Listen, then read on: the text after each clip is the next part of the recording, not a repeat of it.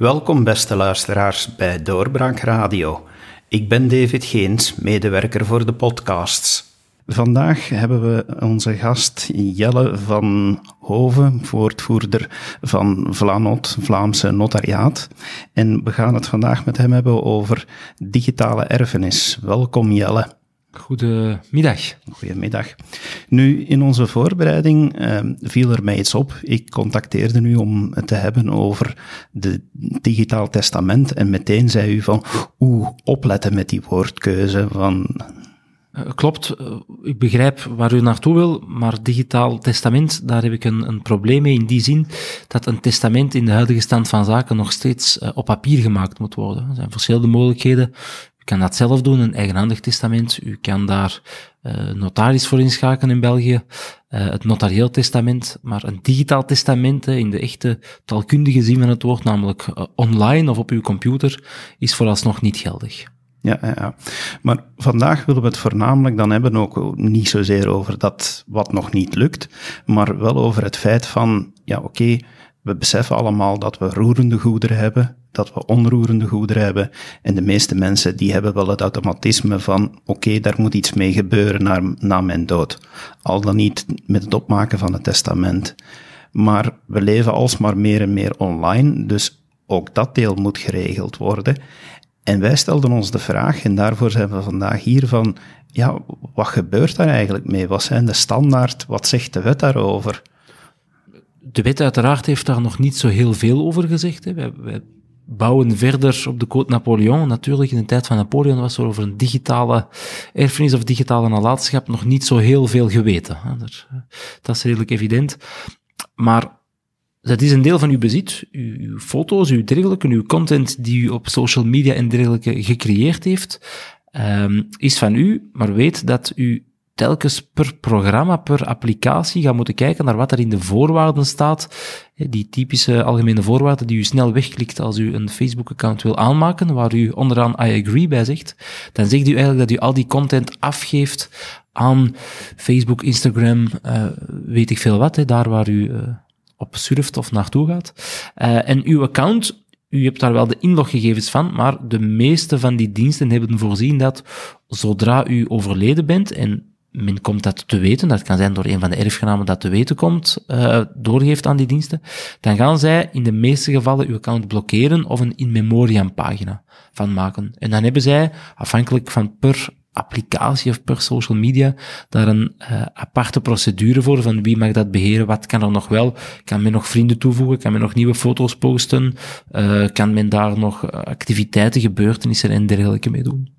Dus daar zijn duidelijk geen universele regels. Daar zijn geen universele regels over. Nee, absoluut niet. Nee. En kunnen we, kunnen we zelf nog bepalen wat er gebeurt? Van kunnen we bijvoorbeeld zeggen van oké, okay, ik wil dat er met mijn Facebookpagina, uh, dat daar nadien, dat die beheerd wordt door persoon X of persoon Y? U, u kan in uw testament voorzien uh, dat een welbepaalde persoon, dat kan uw legataris zijn, dat kan een bijzonder legataris zijn, dat kan een, een persoon zijn met andere woorden die u daar specifiek voor aanduidt, uh, die u zegt van kijk, ik zou willen dat dit zo beheerd wordt of zo beheerd wordt. Maar dan is het dus wel volgens de regels die Facebook, Instagram, uh, Twitter en dergelijke als kader ter beschikking stelt. Dus je kan niet meer zeggen, doe maar verder alsof ik nog leef en doe maar alsof ik nu uh, in uh, vakantie ben in uh, Bermuda of ik weet niet waar. Nee, dat gaat, dat gaat niet, want zodra Facebook, om een voorbeeld te geven, weet, kijk, die persoon is overleden, gaan ze dat automatisch blokkeren, gaan ze daar een in memoriam pagina van maken.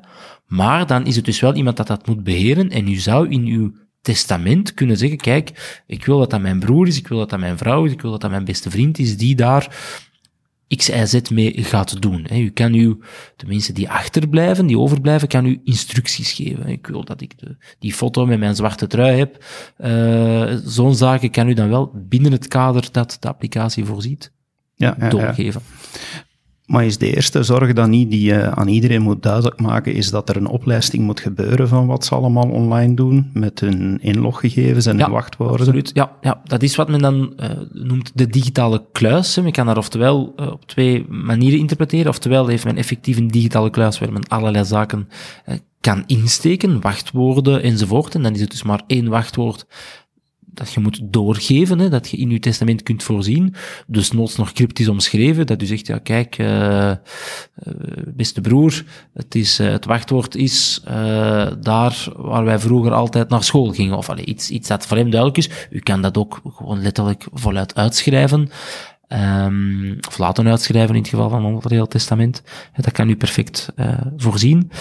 Um, of u maakt een opleiding in uw testament van kijk, ik bezit een account op Facebook, mijn wachtwoord is X, mijn gebruikersnaam is Y, ik heb een uh, Twitter-account, ik heb een LinkedIn-account, ik heb een uh, Instagram-account en weet ik veel wat nog allemaal met die wachtwoorden, die gebruikersprofielen. Dat kan u doorgeven.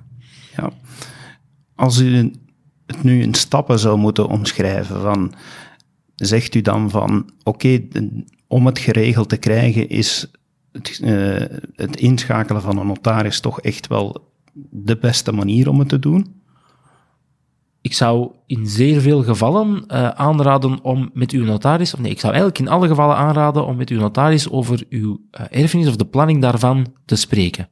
Eén, bij de meeste van mijn collega's zal zeker zo'n informatief gesprek gratis zijn. Ik denk zelfs te mogen spreken bij iedereen.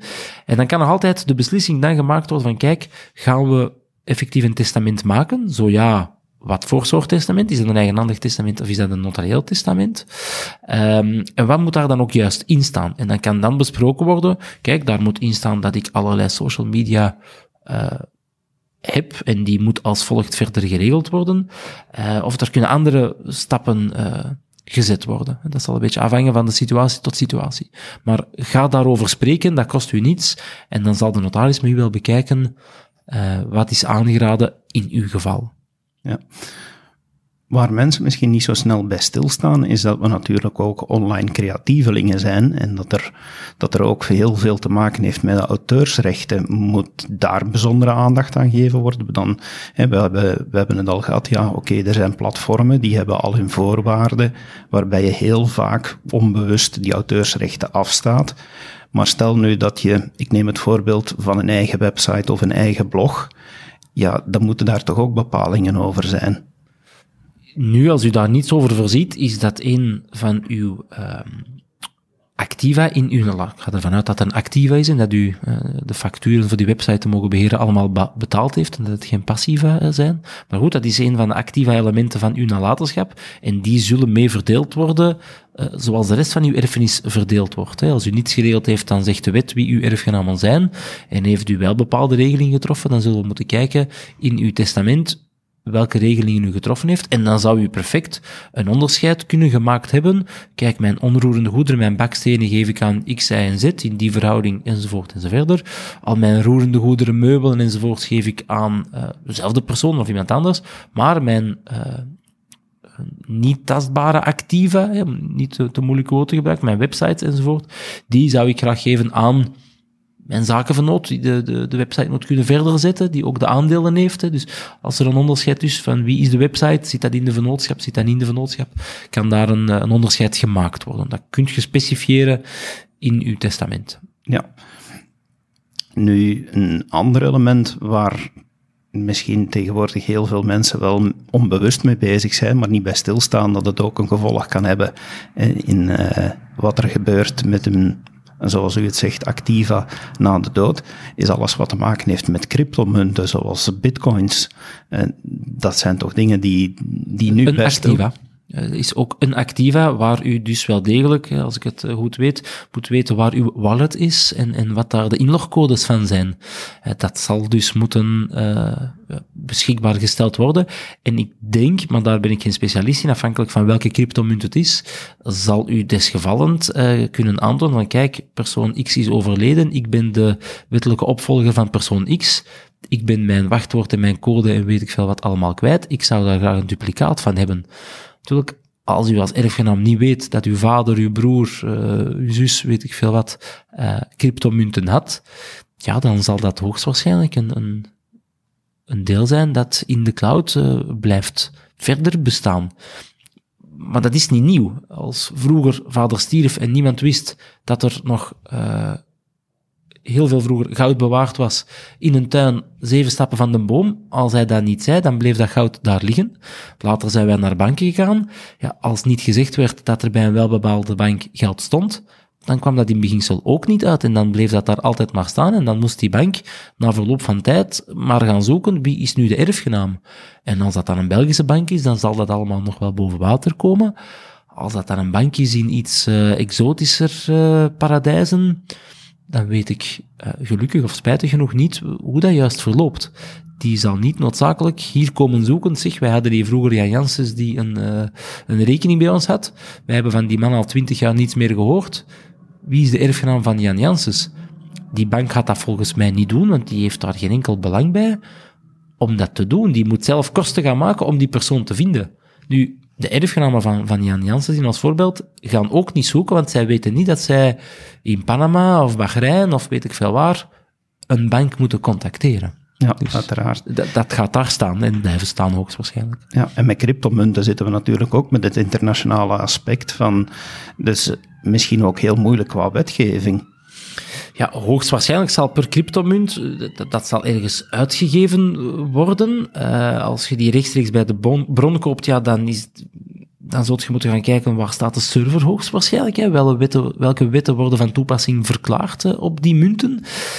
Maar op een bepaald moment geld dat uitgegeven is in Duitsland, Duitse euro's, ja, die zijn ook gewoon in heel de eurozone geld, uh, cryptomunten, als uw server in, in, in Ierland staat, wil dat niet zeggen dat je die cryptomunten niet van op een server in, in, in India kunt gebruiken. Dat is internationaal geld. Dat is net het grote voordeel daarvan. Dus ja, daar zal vermoedelijk in de toekomst nog wel een, een hartig woordje over gedebatteerd worden. En daar zullen toch ook een aantal landen stappen in moeten nemen van kijk, van wie is het geld bij, bij gebreken aan eigenaar? Of onmiddellijk te definiëren eigenaar. Ja, Nu, je zit natuurlijk met behoorlijk wat procedures bij een overlijden en gelukkig kunnen jullie als notarissen daarbij helpen. Maar ik stelde mij ook de vraag van, wat nu bijvoorbeeld met zoiets simpel tegenwoordig als online banking? Iedereen heeft dat wel tegenwoordig. Uh, en ja, er wordt nog uh, het wachtwoord is gekend door iemand en er worden nog verrichtingen uitgevoerd na het overlijden. Mhm. Zijn die dan nog terug te draaien of ontlopen banken daar hun verantwoordelijkheid in? Of hoe zit het dan? Of dat banken hun verantwoordelijkheid direct gaan ontlopen, dat, uh, dat weet ik niet. Maar alleszins is het zo dat als er een rekening is en de bank is op de hoogte gebracht van het overlijden, zij weten dat op een of andere manier, iemand heeft het gemeld, zijn het te weten gekomen, maakt niet uit, zodra zij het weten, zijn zij verplicht om de rekeningen te blokkeren.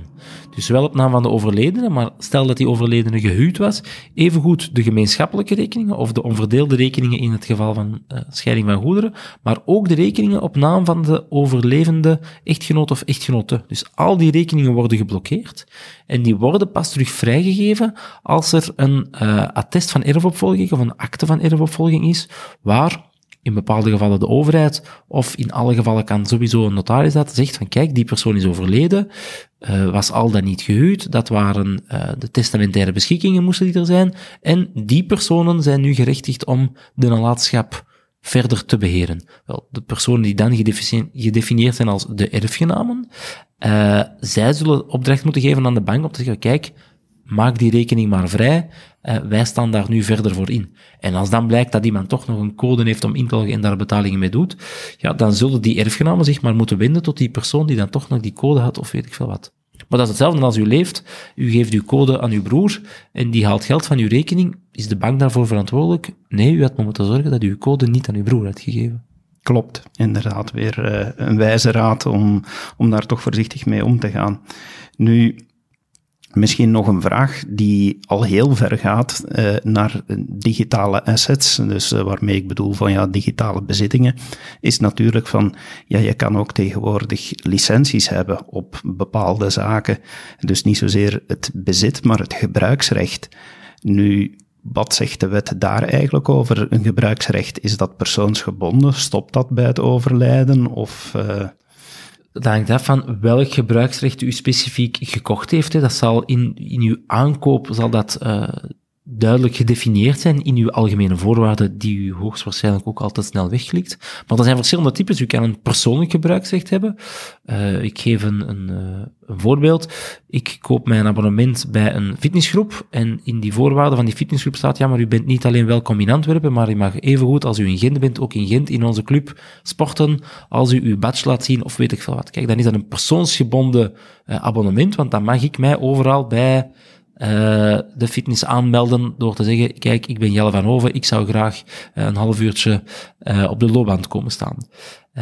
aan de andere kant, u kan ook dingen kopen die u um, een tijd mag gebruiken, maar die specifieker zijn. Um, bijvoorbeeld bepaalde computerprogramma's worden toegekend uh, aan een computer. Dan mag die computer dat gebruiken, maar ik ben niet noodzakelijk gerechtigd om dat ook op andere plaatsen daar terug uh, te gaan gebruiken. Nu, dat wordt minder en minder, omdat men meestal licenties krijgt dat men overal kan inloggen en daar toch gebruik van kan maken, maar niet noodzakelijk. Het is niet omdat ik een, een bureauruimte heb eh, die ik hier in Antwerpen mag gebruiken, dat ik bij een collega notaris zomaar mag binnenvallen en mag zeggen, zeg, ik heb rechten in Antwerpen op een bureauruimte, ik wil die van nu, nu ook even gebruiken. Ik heb daar niks te zoeken, ik heb daar niks te zeggen. Nee. Uh, dus dat, dat zal in uw voorwaarden staan, uh, wat u juist mag en wat u niet mag. Hè. Ja. Hebt u bijvoorbeeld een idee om het, om het nu heel praktisch te maken? Van vroeger kocht je een film op uh, video, voor, uh, voor wie dat dan nog echt heeft meegemaakt. Of op VHS, DVD, ja, absoluut, ja. VHS, DVD, Blu-ray, om het een beetje in chronologische volgorde te zetten. Oké, okay, dan had je effectief iets tastbaar wat je kan nalaten. Nu tegenwoordig zit dat meer en meer in de cloud. Ja, stel dat je het, het ja, gebruiksrecht, het recht om die film te bekijken, gekocht hebt, ja. ja dan wordt dat ook een digitaal activa. Ja, dan hangt het puur dus ook van die gebruiksrechten ja, In bepaalde gevallen zal u dat zelf gekocht hebben en mag u daar van alles mee doen, maar bij de meeste staan daar ook beperkingen op. Het is niet omdat u een film koopt, u koopt een, eh, een Blu-ray of u koopt uh, uh, film die u digitaal hebt gedownload, wat dan ook, hoe dat u het wilt zien. U hebt die effectief gekocht. U mag die zoveel bekijken als u wilt, dat u uh, helemaal achterstevoren kan mee, uh, meespelen. Maar dat wil niet zeggen dat u dan ineens ook de rechten gekocht heeft om die voor al uw vrienden op een groot scherm te laten zien. Als u dat eens op een gezellige winteravond doet met een, glaasje glühwein, dan zal dat nog wel lukken en mogen. Maar u gaat niet met een grote projector uh, een openluchtcinema mogen organiseren en aan heel de buurt vragen, kijk, voor 5 euro mag u allemaal naar uh, Frozen 2 komen kijken. Ik denk dat u dan problemen gaat hebben met uh, de uitgevers.